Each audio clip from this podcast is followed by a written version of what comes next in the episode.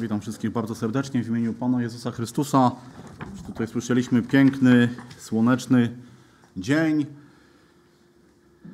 Powiem tak, ci, którzy mieli możliwość, albo mają teraz możliwość też słuchać nas przez internet, czy patrzyli na stronę internetową Kościoła, tam zawsze mamy taki zwyczaj od niedawna, tradycję, że kiedy ma być usługa Bożym Słowem, to pojawia się tytuł kazania. I niektórzy z Was wiedzieli, inni może się teraz dowiedzą, jaki jest temat dzisiejszej usługi? Pięć razy sola. Od razu wyjaśnię. Nie chodzi tutaj o matematyczne zadanie, nie chodzi tutaj o jakieś zagadnienie chemiczne. Natomiast o co chodzi w temacie 5 razy sola? Ja bardzo bym poprosił Piotra, żeby wyświetlił pewien slajd. Tam czytamy: Nieczęsto przybijam coś do drzwi, ale jak już to robię, dzieje się. Nie, nie jest to autentyczny cytat z tego człowieka, którego widzimy tutaj na, na zdjęciu, ale wiecie, tak bardzo on mi się spodobał, ponieważ dzisiaj mamy dzień 31 października.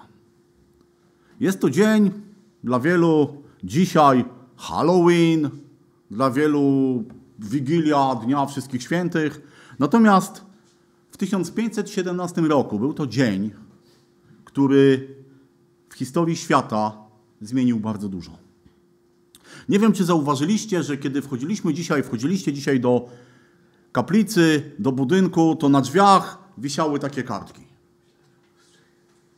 Podejrzewam, że wielu z Was, tutaj Łukasz już się cieszy, nie zwróciło na to żadnej uwagi. No, chciałoby się powiedzieć, jakie czasy, taki Luter, tak? Albo jaki Luter, takie czasy. Ale wiecie, w 1517 roku właśnie Marcin Luther, zakonnik, yy, był, zrobił właśnie coś bardzo podobnego. Na drzwiach kościoła przybił, ja nie śmiałem nawet próbować przybijać, przybił kartę, przybił dokument, których było 95 tez. Te tezy dotyczyły przede wszystkim pewnych nieporządków, pewnych rzeczy w kościele, które, z którymi Luter się nie zgadzał. Głównie chodziło o odpusty, ale nie tylko. Bo w tych swoich tezach on zadał pytania, wyzywając do dysputy na temat stanu i sytuacji ówczesnego Kościoła. Jaki to był stan, to myślę, że tutaj nie jest to miejsce i czas na ten temat rozmawiać, ponieważ no, musielibyśmy tutaj spędzić bardzo, bardzo dużo czasu. No ja wiem, że godzinę krócej, godzinę dłużej spaliśmy, więc mamy więcej czasu, ale nie o to chodzi. Wiecie, celem Lutra było nie wezwanie, nie powstanie nowego kościoła, nie zrobienia zamieszania, ale było, jego celem było zmusić ludzi, teologów, dlatego on też nie chciał upubliczniać tego szeroko, bo napisał to po łacinie, a więc w języku znanym powiedzmy tylko tym wyższym wykształconym kręgom. I on chciał wezwać do dysputy. Chciał porozmawiać o pewnych rzeczach, które mu się nie podobały i uważał też, że Bogu się nie podobają. Ale wiecie, człowiek czasem ma pewne zamiary, ma pewne plany, a Pan Bóg wchodzi w to wszystko i zmienia. Wchodzi to wszystko i robi totalne zamieszanie. I tak samo było e, z, tymi, z tym, co stało się w Wittenberdze. Wiecie, te tezy bardzo szybko rozeszły się po, całym, po całych Niemczech, po całej Europie i wywołały to, co dzisiaj w historii, w książkach nazywamy reformacją. Czym była reformacja? Wielu jakby powie, że to był nowy ruch religijny, ale tak naprawdę jedną definicję reformacji kiedyś przeczytałem bardzo taką prostą, że reformacja to, był, to było to coś, co przywróciło Biblię ludziom. Że reformacja to był ten ruch, który spowodował, że ludzie zaczęli wracać do Biblii. Zaczęli patrzeć, co w niej jest napisane. Zaczęli szukać tego, co Bóg chce od nich w ich życiu. I oczywiście, słuchajcie, to nie było też tak, że od początku Kościoła przez 1517 lat nic się nie działo i nagle buch błysnęło i przyszedł Luther. Nie. Byli ludzie, którzy już przed Lutrem nawoływali do tego, aby wrócić, aby Kościół, aby ludzie wierzący wracali do Biblii. Jakim podziękowano? Jana Husa spalono na stosie. Jeszcze wcześniej John Wycliffe, który bodajże w XIV wieku w Anglii wołał do, o to, żeby wrócić do Biblii, bodajże po stu latach jego ciało wykopano, kości spalono, a proch rozsypano do rzeki. Ale wiecie, kiedy Bóg w coś wchodzi, kiedy Bóg coś robi, to dzieją się wielkie rzeczy. I reformacja, coś ciekawe, kiedyś, jeśli to jest prawda, nie wiem, ale chyba tak, że Jan Hus, kiedy był spalony na stosie, Hus znaczy gęś. Powiedział coś takiego, teraz spalicie gęś, ale za 100 lat przyjdzie ktoś, kogo nie, nie zdołacie zniszczyć. I 100 lat później Marcin Luther robi to, co robi. Wiecie, i co to ma wspólnego z tymi solami, tak? Otóż już wyjaśniam. A więc słowo sola znaczy tylko albo jedynie. I można powiedzieć, że sola to są podstawowe zasady protestanckiej teologii wyrażone w języku łacińskim, tutaj mam definicję, pojawiły się one w XVI wieku podczas reformacji i do dziś dzień pozostają podstawą teologiczną protestantyzmu. Podsumowują one zasadnicze różnice teologiczne z katolicyzmem i wskazują na podstawowe zasady, jakie powinny wyznawać powinien wyznawać chrześcijanin, aby osiągnąć zbawienie. Uznawanie powyższych zasad jest podstawowym wyznacznikiem, to jest bardzo ważne zdanie, zapamiętajcie, podstawowym wyznacznikiem uznania danego wyznania chrześcijańskiego za protestanckie. A więc generalnie mówiąc, sole, jest ich pięć, są takim, wiecie, taką teologiczną, protestancką pigułką. I jeżeli je wyznajesz w swoim życiu, znaczy to, że jesteś protestantem. Dobrze. Jakie to są sole? Jest ich pięć, jak powiedziałem. I chciałbym, żebyśmy pokrótce przyjrzeli się i zdefiniowali każdą z nich a później popatrzyli do Bożego Słowa. Wiecie, pierwsza sola scriptura, czyli tylko pismo. Co to oznacza? Oznacza ona mniej więcej tak. Tylko Pismo Święte jest fundamentem i jedynym autorytetem dla wierzącego. Żadna tradycja kościelna nie może być ponad Pismem Świętym. Sola Scriptura, tylko Pismo. Druga, solus Christus, a więc tylko, czy też jedynie Chrystus. Tylko w Chrystusie możemy znaleźć zbawienie. Nie ma innej drogi do Boga i do wiecznego życia niż przez Jezusa Chrystusa. Trzecia sola gratia, tylko łaska. Człowiek może zostać zbawiony tylko przez łaskę Bożą. Łaska Boża skutecznie powoduje wiarę u człowieka. Czwarta sola fide, Jedynie, czyli tylko wiara, jedynie wiara, jedynie przez wiarę, nie z uczynków, możemy być usprawiedliwieni w Chrystusie Jezusie. I piąta, ostatnia, soli deo gloria, tylko, czyli znaczy jedynie albo tylko Bogu chwała. Bóg stworzył wszystko, co istnieje ku własnej chwale. To Boża suwerenna decyzja, aby zbawić człowieka w Chrystusie. Celem życia człowieka jest chwalenie Boga. Wiecie, i tak naprawdę są to rzeczy, o których my, jako ludzie wierzący, doskonale wiemy. Tylko Pismo, tylko Chrystus, tylko łaska, tylko wiara, tylko Bożu, Bogu chwała. I wiecie, te sole, te, te doktryny, one nie zostały, wiecie, wymyślone na zasadzie, że spotkało się kilku protestanckich, mądrych ludzi i powiedzieli, musimy sobie zrobić zasady wiary, które będą nas charakteryzować i wyróżniać. Wiecie, ani Luther, ani Melanchthon, ani nikt, żaden z innych ojców protestantyzmu, jakbyśmy ich dzisiaj szumnie nazwali, tego nie wymyślił. Wiecie, bo reformacja wracała do Biblii. I te rzeczy, o których przed chwilą mówiliśmy, te pięć rzeczy, to wiecie, nie są wymyślone, nie są wypracowane. Po prostu one są wyciągnięte z Biblii. I to jest bardzo smutne, że przez wiele setek lat historii Kościoła Biblia, Boże Słowo, wiecie, były gdzieś na marginesie albo bardzo często poza Kościołem. Natomiast ci ludzie sięgnęli do Biblii, wrócili do Bożego Słowa i powiedzieli, że pewne zasady. I wiecie, i chciałbym, żebyśmy sobie właśnie popatrzyli do Biblii i te sole, te zasady troszeczkę omówili. Widzę, że mamy kilka Biblii na nabożeństwie. To jest bardzo dobrze, słuchajcie. Myślę, że to jest wspaniale, kiedy Biblia jest na nabożeństwie. Drugi list do Tymoteusza, trzeci rozdział, 16-17 werset. Tam czytamy takie słowa. Całe pismo przez Boga jest natchnione i pożyteczne do nauki, do wykrywania błędów, do poprawy, do wychowywania w sprawiedliwości, aby człowiek Boży był doskonały, do wszelkiego dobrego dzieła przygotowany. Drugi fragment Hebrajczyków, czwarty rozdział, werset dwunasty. Bo Słowo Boże jest żywe i skuteczne, ostrzejsze niż wszelki miecz obosieczny, przenikające aż do rozdzielenia duszy i ducha, stawów i szpiku, zdolne osądzić zamiary i myśli serca. Wiecie, tych wersetów jest dużo, dużo więcej. Ja kiedy wczoraj wysyłałem je do Piotra, to powiedziałem, będę niektóre omijał, już ominąłem trzy, ale myślę, że te wystarczą. Całe pismo jest natchnione przez Boga. Co to znaczy? To znaczy, że Biblia jest Słowem Bożym. Wiecie, ona była pisana przez prawie 1500 lat. Ponad 40 autorów w trzech językach, na trzech kontynentach, ale wiecie, jej spójność, jej jasność pokazuje to, że musiała mieć jednego autora. Że to Bóg stoi za autorstwem tej księgi. I wiecie, i Biblia jest pisana przez ludzi, którzy pisali ją właśnie pod natchnieniem Ducha Świętego.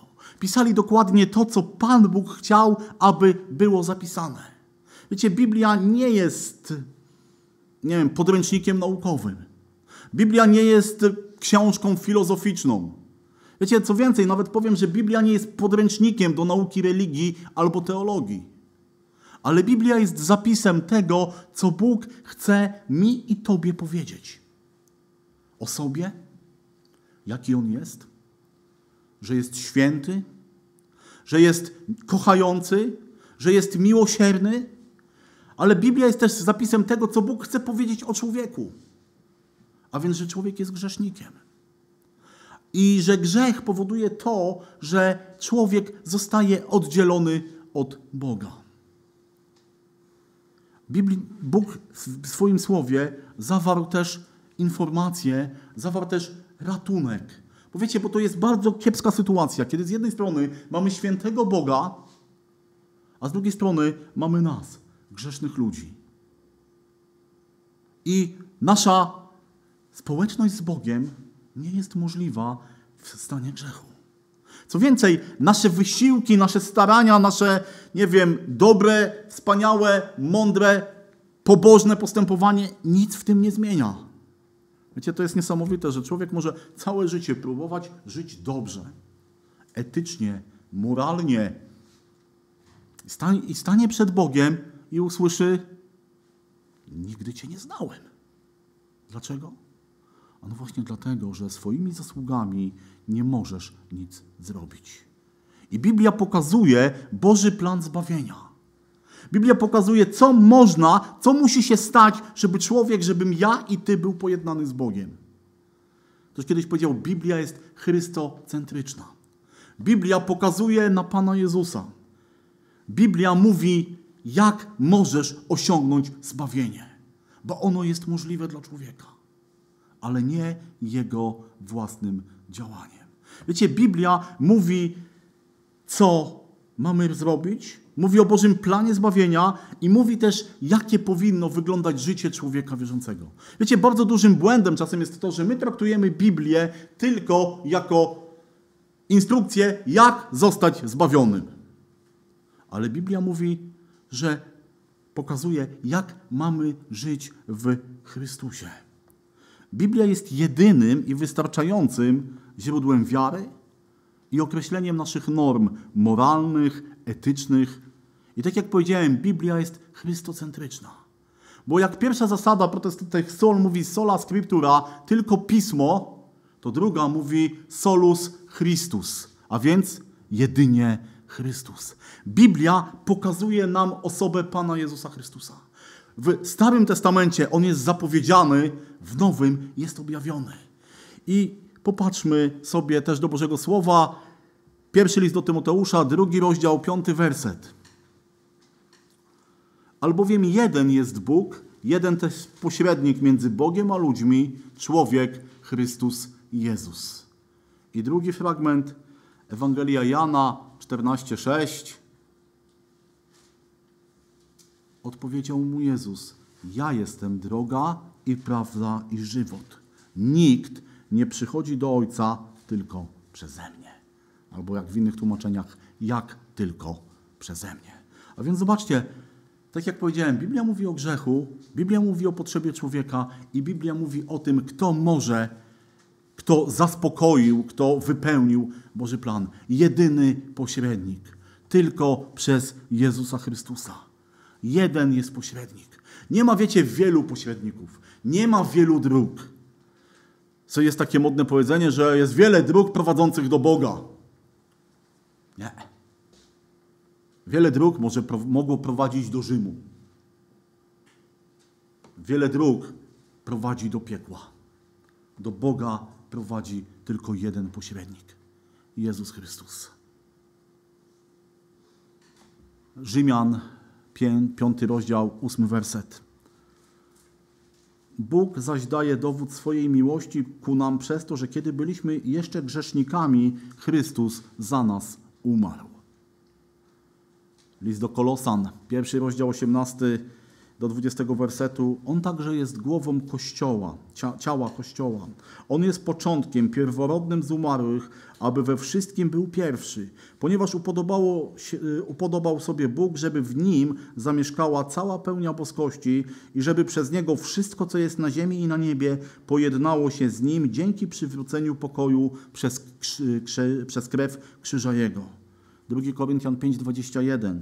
On tego, który nie znał grzechu, za nas grzechem uczynił, abyśmy w nim stali się sprawiedliwością Bożą. Jedyny pośrednik i jedyny, jedyny sposób. Żeby pojednać się z Bogiem, ktoś musiał umrzeć. Ktoś musiał przelać swoją krew. I to musiał być ktoś, kto był niewinny. I to był Jezus Chrystus. To jest niepojęty akt Bożej miłości. Bóg staje się człowiekiem.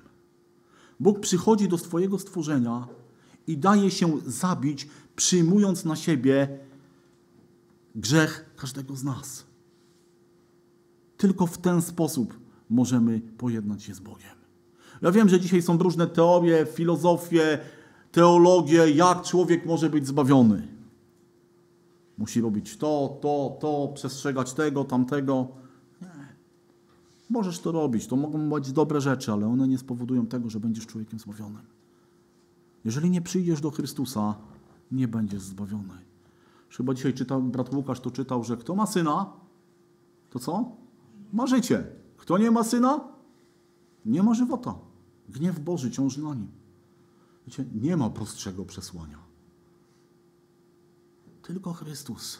Trzecia rzecz, tylko łaska. Efezjan, drugi rozdział, 8-9 werset. Myślę, że znane słowa dla większości z nas.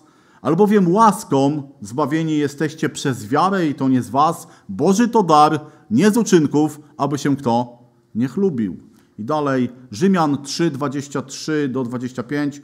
Gdyż wszyscy zgrzeszyli i brakiem chwały Bożej i są usprawiedliwieni darmo z łaski Jego przez odkupienie w Chrystusie Jezusie, którego Bóg ustanowił jako ofiarę przebłagalną przez krew Jego, skuteczną przez wiarę dla okazania sprawiedliwości swojej przez to, że w cierpliwości Bożej pobłażliwie odniósł się do przedtem popełnionych grzechów.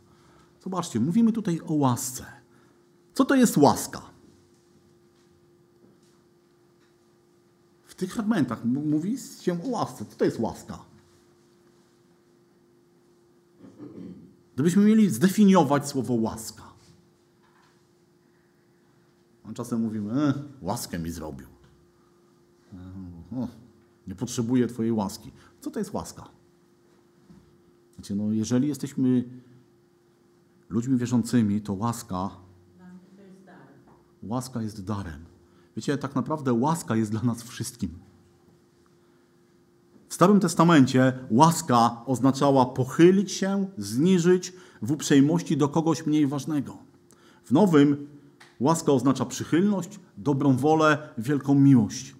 Wiecie, i grzesznik tak naprawdę zasługuje, po tym co czytaliśmy, na jedną rzecz. Karą za grzech jest śmierć. Na to zasługujesz. Na to ja, na to ty zasługujesz. Ale Bóg robi coś niesamowitego. Okazuje swoją łaskę. Grzesznik, który powinien być potępiony, nie może zrobić nic, aby to zmienić. Dopiero Bóg przychodzi w, w Jezusie Chrystusie i okazuje Ci łaskę. I Boża łaska daje zbawienie. Daje pewność życia wiecznego. Wiecie, to jest. Dzisiaj wielu ludzi martwi się, co będzie ze mną po śmierci. Kiedy masz Chrystusa, wiesz, co z tobą będzie. Boża łaska daje usprawiedliwienie. Wiecie, usprawiedliwienie, czym jest usprawiedliwienie? Jest to nowa pozycja w oczach Boga. Kiedy jesteś człowiekiem zbawionym, usprawiedliwionym, to Bóg zaczyna patrzeć na ciebie inaczej. Ktoś tak, tak ładnie kiedyś powiedział, że to jest tak, że kiedy człowiek stoi przed Bogiem i Bóg widzi jego grzech, to może zrobić tylko jedno potępić, bo jest święty. Ale wtedy między ojca a człowieka wchodzi syn i mówi: Zobacz, ja za niego umarłem. I Bóg widzi cię zupełnie inaczej. I wiecie, i zbawienie daje też stały dostęp do Boga. W każdej chwili, w każdym miejscu możesz przyjść do swojego Boga. Ale wiecie, Boża łaska to nie jest taki jednorazowy akt. To nie jest tak, że wiecie, stajemy przed Bogiem, mówimy: Jestem grzesznikiem, Panie Boże, proszę, zmień mnie, otrzymujemy Bożą łaskę i się kończy. Nie. Wiecie, Boża łaska to jest też święte życie. W drugim liście Piątra, trzeci werset, 17-18, trzeci rozdział, 17-18 werset czytamy Wy tedy umiłowani, wiedząc o tym wcześniej, miejcie się na baczności, abyście zwiedzeni przez błędy ludzi nieprawych nie dali się wyprzeć z mocnego swego stanowiska. Wzrastajcie raczej w łasce i w poznaniu Pana naszego i Zbawiciela Jezusa Chrystusa. Jemu niech będzie chwała teraz i po wieczne czasy. I w liście do Tytusa drugi rozdział, 11-13 werset czytamy Albowiem objawiła się łaska Boża zbawienna dla wszystkich ludzi, nauczając nas, abyśmy wyrzekli się bezbożności i światowych porządliwości i na tym doczesnym świecie wstrzemięźliwie, sprawiedliwie i pobożnie żyli, oczekując błogosławionej nadziei i objawienia chwały wielkiego Boga i Zbawiciela naszego Chrystusa Jezusa. I zobaczcie, tutaj te słowa są pisane do ludzi, którzy skorzystali z Bożej łaski zbawienia. Ale co? Jest powiedziane, ale wy nie dajcie się wyprzeć ze stanowiska, ale wytrwajcie, ale wy żyjcie zgodnie z Bożą wolą, bo to jest łaska. Wiecie, łaska wyposaża nas, Boża łaska wyposaża nas do świętego życia. Bo tak jak Pan Jezus powiedział, beze mnie nic uczynić nie możecie. Ale z Chrystusem mamy możliwość, mamy moc, mamy siłę żyć według Bożych standardów bo to jest właśnie Boża łaska. Wiecie, Boża łaska powoduje to, że my swoim sposobem życia możemy Bogu okazać wdzięczność. Sola gratia, tylko łaska. Dalej czytamy kolejna, kolejna rzecz. Dzieje apostolskie, 16 rozdział, 31 werset. Tam czytamy takie słowa, a oni rzekli, uwierz w Pana Jezusa, a będziesz zbawiony Ty i Twój dom. List do Efezjan, drugi rozdział, 8-9 werset, to już czytaliśmy. Albowiem łaską zbawieni jesteście przez wiarę i to nie z was, Boży to dar, nie z uczynków, aby się kto nie chlubił. Galacjan 2,16 Wiedząc wszakże, że człowiek zostaje usprawiedliwiony nie z uczynków zakonu, a tylko przez wiarę w Chrystusa Jezusa i myśmy w Chrystusa Jezusa uwierzyli, abyśmy zostali usprawiedliwieni z wiary w Chrystusa, a nie z uczynków zakonu, ponieważ z uczynków zakonu nie będzie usprawiedliwiony żaden człowiek. Tylko wiara. Wiecie, Boża łaska została dana człowiekowi.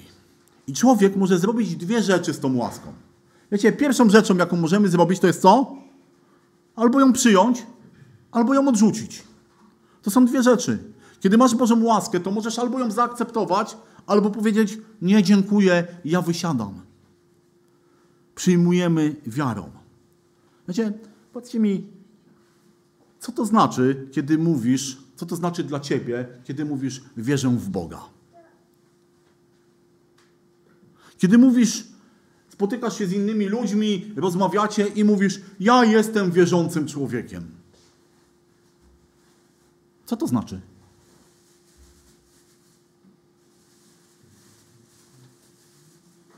Co to znaczy dla ciebie? Co to znaczy dla tych innych ludzi? No, ja też jestem wierzącym człowiekiem. Znacie, po pierwsze, kiedy mówimy wierzę w Boga, to wyrażamy opinię, że On istnieje. Kiedy mówię wierzę w Boga, to wyznaję, że wierzę, że On istnieje. Niestety dzisiaj w naszym świecie coraz więcej ludzi wątpi w istnienie Boga. Oczywiście, wiecie, powiedzieć wierzę w Boga to już bardzo dużo. To już bardzo dużo, to bardzo dużo mówi o Tobie. To też jest napisane w liście do Hebrajczyków, w 11 rozdziale, że bez wiary nie można podobać się Bogu. Kto bowiem przystępuje do Boga, musi uwierzyć, że On istnieje i że nagradza tych, którzy Go szukają. Więc jeżeli mówisz, wierzę w Boga i to oznacza dla Ciebie, że Ty wiesz, że On istnieje, to bardzo dobrze. Ale w liście Jakuba 2,19 jest napisane: Ty wierzysz, że Bóg jest jeden? Dobrze czynisz. Fajnie, nie? Demony również wierzą i drżą. Hmm. I tu już się robi problem. No bo ja wierzę, ale demony też wierzą. Co więcej, wiecie, wiara demonów w to, że Bóg istnieje, jest o wiele silniejsza niż moja czy Twoja. Bo one widziały Boga. Wiecie, ale my mamy wierze, to nie tylko stwierdzenie, że On jest, bo demony też wierzą i drżą, ale Ty masz wierzyć i ufać.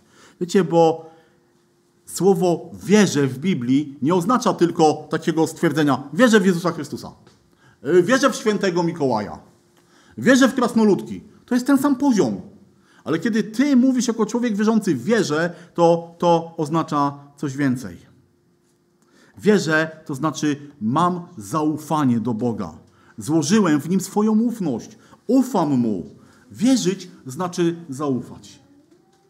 Pamiętamy historię Abrahama.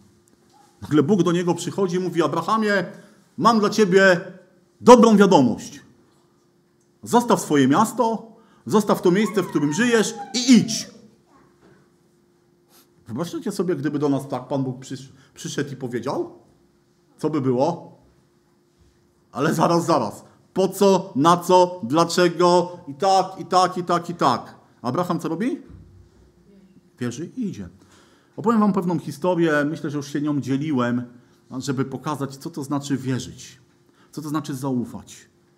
Pewnie ją znacie, być może dla kogoś będzie nowością, ale wiecie, była to autentyczna historia, otóż w, bodajże w XIX czy na początku XX wieku w amerykańskich gazetach pojawił się taki artykuł, że pewien linoskoczek chce przejść po linie e, nad wodospadem Niagara.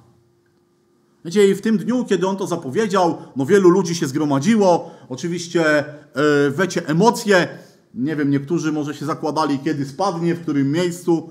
I kiedy ten linoskoczek przeszedł przez ten cały wodospad, stanął przed ludźmi, oczywiście wielkie wiwaty, szum, i on zadał takie pytanie – czy wierzycie? Kto z was wierzy, że mogę to zrobić jeszcze raz?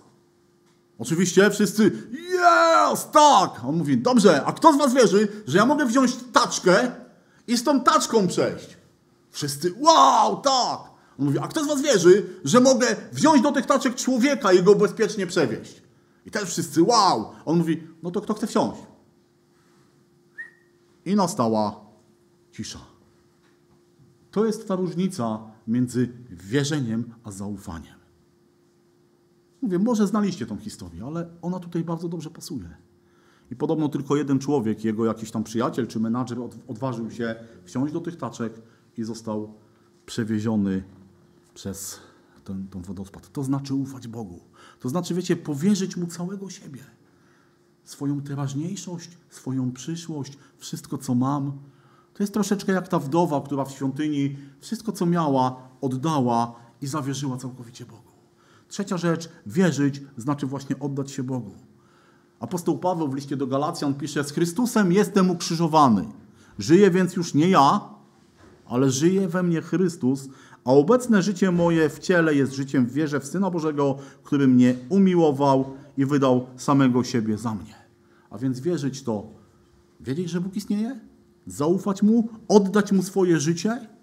I czwarta rzecz, Jakuba 1,22 i to jest chyba najtrudniejsza rzecz, a bądźcie wykonawcami słowa, a nie tylko słuchaczami oszukującymi samych siebie.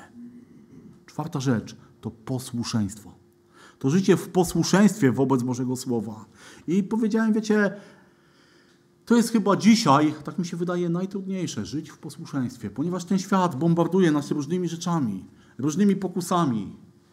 I wiecie, i czasem ciężko jest powiedzieć nie.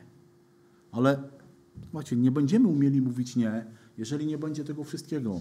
Jeżeli nie będzie zaufania do Boga, jeżeli nie będzie oddania się Mu, jeżeli nie będzie czytania znajomości Jego Słowa. Oczywiście, kiedy mówimy o łasce i wierze, musimy powiedzieć też o czym? O uczynkach. Nie, bo to, to zawsze w naszym kraju też jest takie, mm, a uczynki. Słuchajcie, Jego bowiem dziełem jesteśmy stworzeni w Chrystusie Jezusie do dobrych uczynków, do których przeznaczył nas Bóg, abyśmy w nich chodzili. Jest napisane w liście do Efezjan. Ale jest pewna zależność. Dobre uczynki są wynikiem Twojej wiary, a nie czymś, co procentuje na to, że będziesz zbawiony. Więc tyle o uczynkach. Oczywiście jeszcze została nam jedna sola, soli deo gloria. Tylko Bogu chwała. I tutaj dłuższy fragment chciałbym przeczytać.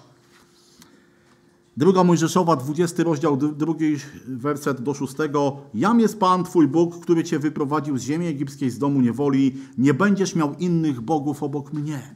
Nie czyń sobie podobizny rzeźbionej czegokolwiek, co jest na niebie i w górze i na ziemi i w dole i tego, co jest w wodzie pod ziemią. Nie będziesz im się kłaniał i nie będziesz im służył, gdyż ja, Pan, Bóg Twój, jestem Bogiem zazdrosnym, który każe winę ojców na synach do trzeciego i czwartego pokolenia tych, którzy mnie nienawidzą, a okazuje łaskę do tysięcznego pokolenia tym, którzy mnie miłują i przestrzegają moich przykazań.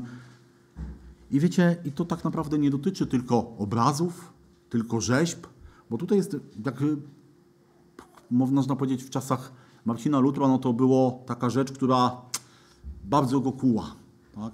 Dlatego dzisiaj w kościołach luterańskich nie mamy żadnych postaci, rysunków, rzeźb i tak dalej.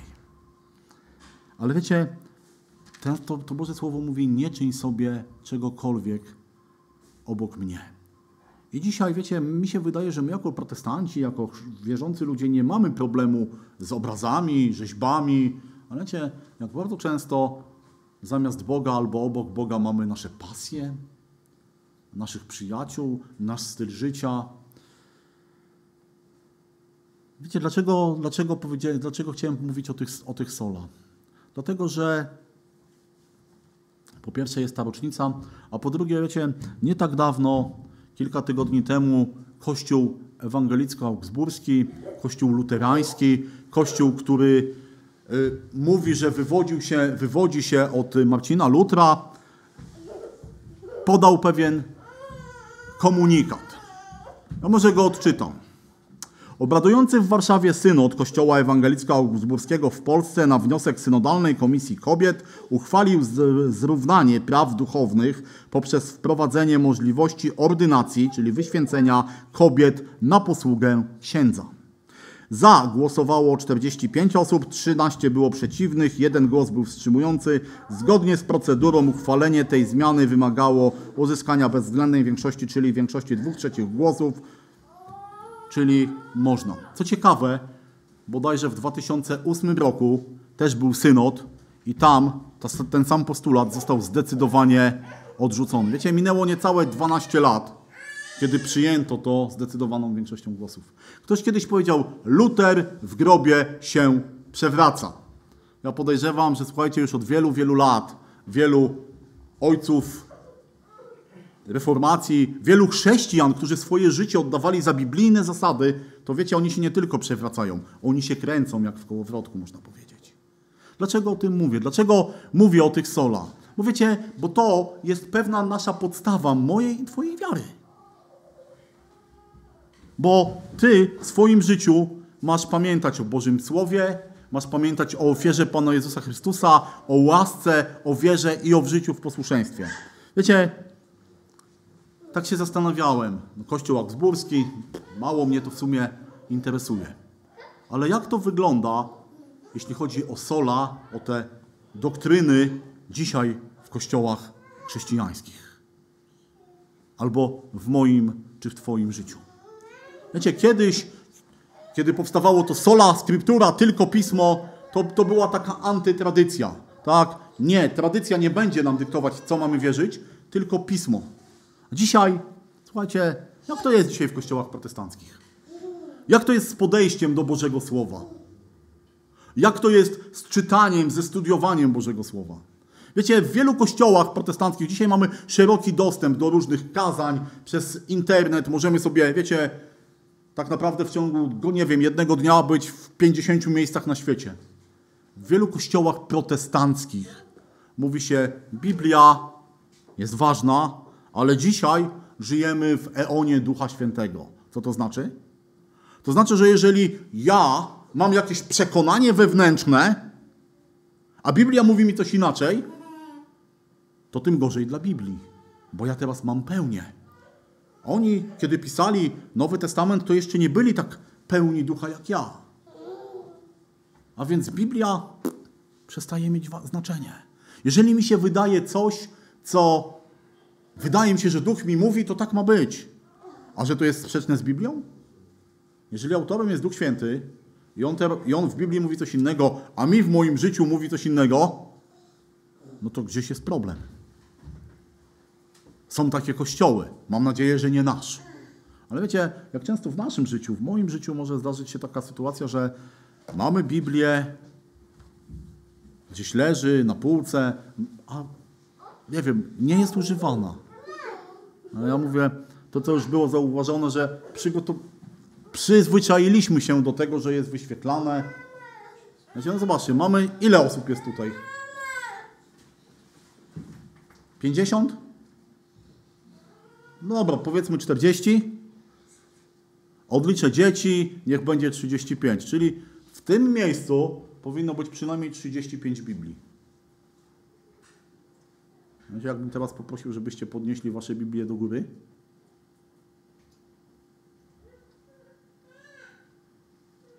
Nie widzę żadnej. Nie, no tak źle nie jest, nie? Ale zobaczcie, coś w tym jest.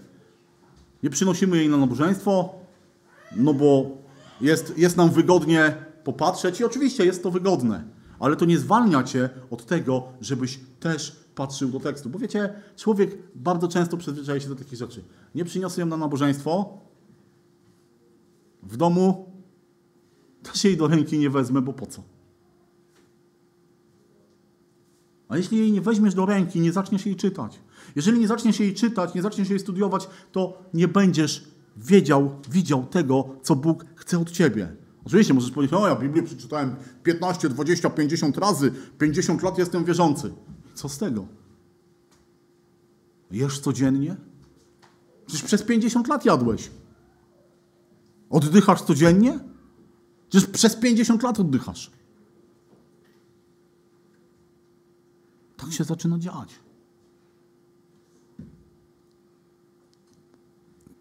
Solus Christus, tylko Chrystus. I wiecie, i to była kiedyś taka opozycja do tego, że w Kościele nauczano, że do Chrystusa można przyjść tylko, nie tylko przez Chrystusa, ale przez Marię, przez świętych, przez to, przez tamto. Wiecie, dzisiaj w kościołach protestanckich no nie mamy z tym problemu, tak? Ale coraz częściej, wiecie za kim idą ludzie?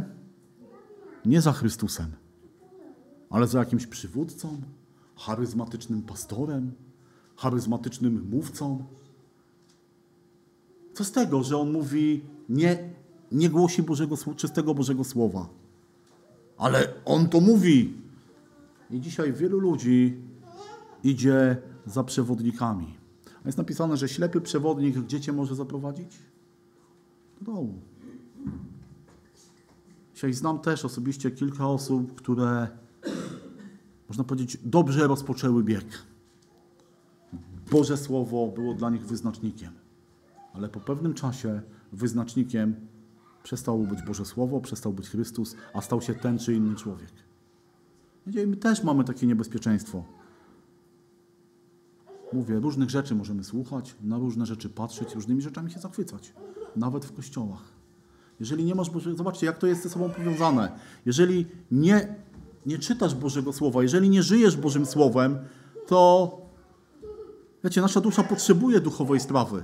I bardzo szybko może się okazać, że zaczniemy jeść jakieś dziwne rzeczy. Bo nie chce nam się czytać, bo nie chce nam się patrzeć, bo chcemy słuchać, bo chcemy mieć podane. Wiecie, ja to mówię, jesteśmy takim, ja to nazywam pokolenie instant. My wszystko chcemy mieć od razu. Ile czasu potrzeba, żeby zrobić dobry obiad?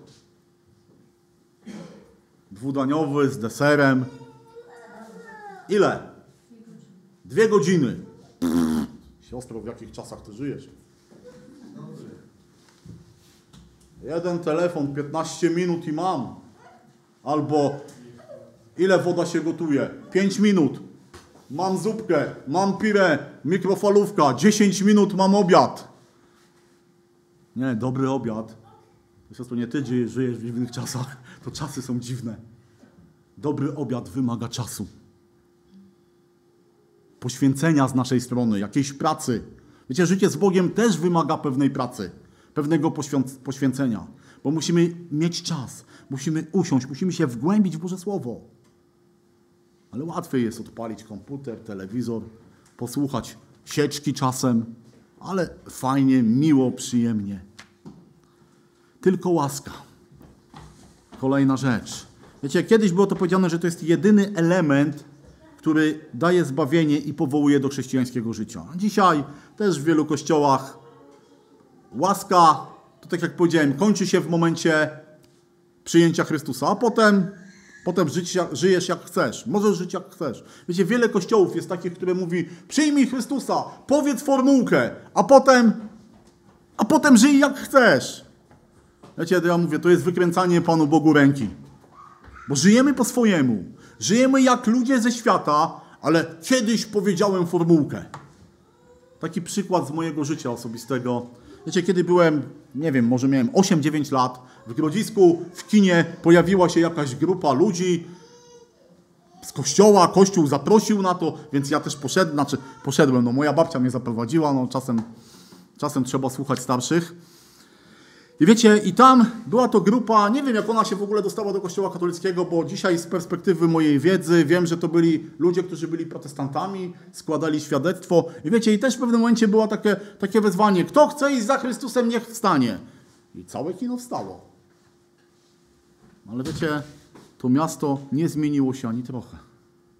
Dzisiaj też wielu ludzi mówi, powiedz formułkę i wszystko jest załatwione. Wiecie, wykręcamy Bogu ręce. Tak jak Luter protestował przeciwko odpustom, bo odpusty mówiły, kupisz list odpustowy, to co? Zależy ile zapłacisz, ale możesz kupić taki list, zapłacić za niego tyle i tyle i zostaną ci odpuszczone grzechy przeszłe, przyszłe, twojej rodziny. Wiecie, był jeden taki sprytny człowiek, który kupił sobie taki list odpustowy, ale chyba za dwa dni zapłacił za niego kupę pieniędzy i za dwa dni obrabował tego gościa, który te y, odpusty sprzedawał z całej kasy. I kiedy, wiecie, chciano go aresztować, chciano go potępić, on wyjął ten list odpustowy i powiedział, no, co mi możecie zrobić? Nic, bo ja mam odpuszczone. Można? Można. Dzisiaj my, kochani, nasza chrześcijańska łaska w naszym życiu, Boża łaska w naszym życiu, jakie owoce przynosimy? Czy przynosimy jakiekolwiek owoce? Czy to nie jest też, że sobie pewnie, wiecie, pewnie rzeczy wmawiamy? Tylko łaska, tylko wiara, a żyjemy po swojemu.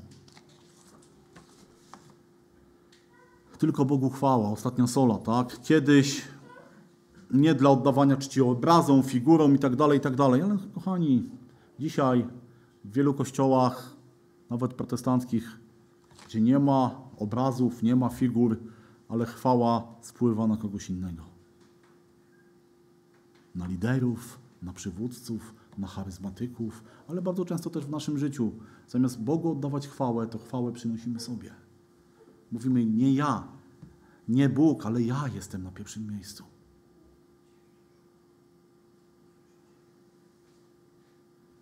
Tak jak powiedziałem, żebyście zapamiętali sobie jedno zdanie na, na samym początku, że te sole oznaczały, oznaczają, które kościoły można nazwać dzisiaj protestanckimi. Wiecie, ja bym powiedział troszeczkę inaczej, że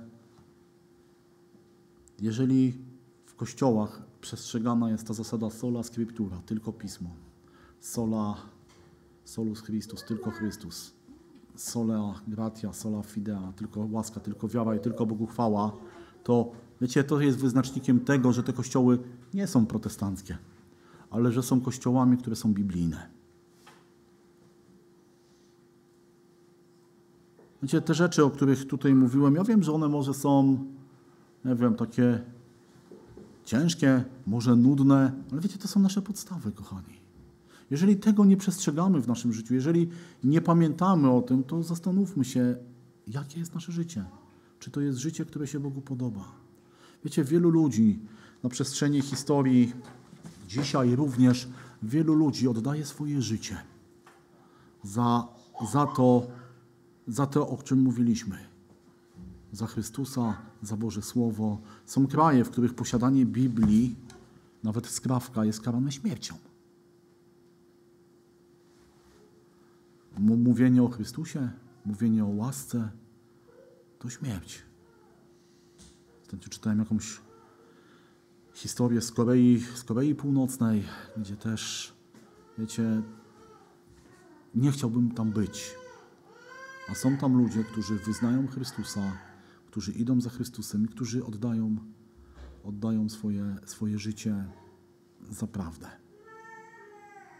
Wiecie, 504 lata temu Marcin Luther miał odwagę i później dalej miał odwagę iść za Chrystusem. I wiecie, ja oczywiście i myślę, że nie tylko ja, ale wielu dzisiaj ludzi nie zgodzi się z Lutrem, jeśli chodzi o pewne poglądy, o pewne tematy, o pewne dogmaty nawet. Ale wiecie, czego, czego zazdroszczę, czego zazdroszczę jemu, czego zazdroszczę innym czasem ludziom, to jest twarde stanowisko, że stoję na Bożym Słowie. Tego potrzebujemy dzisiaj. Wiecie, czego Kościół potrzebuje dzisiaj? Nie więcej pieniędzy. Kościół nie potrzebuje dzisiaj, nie wiem, więcej ludzi, więcej, nie wiem, techniki, więcej wyznawców. Dzisiaj Kościół potrzebuje więcej stać na stanowisku Bożego Słowa. Ja tego potrzebuję, Ty tego potrzebujesz, bo jesteś, jestem Guds Amen.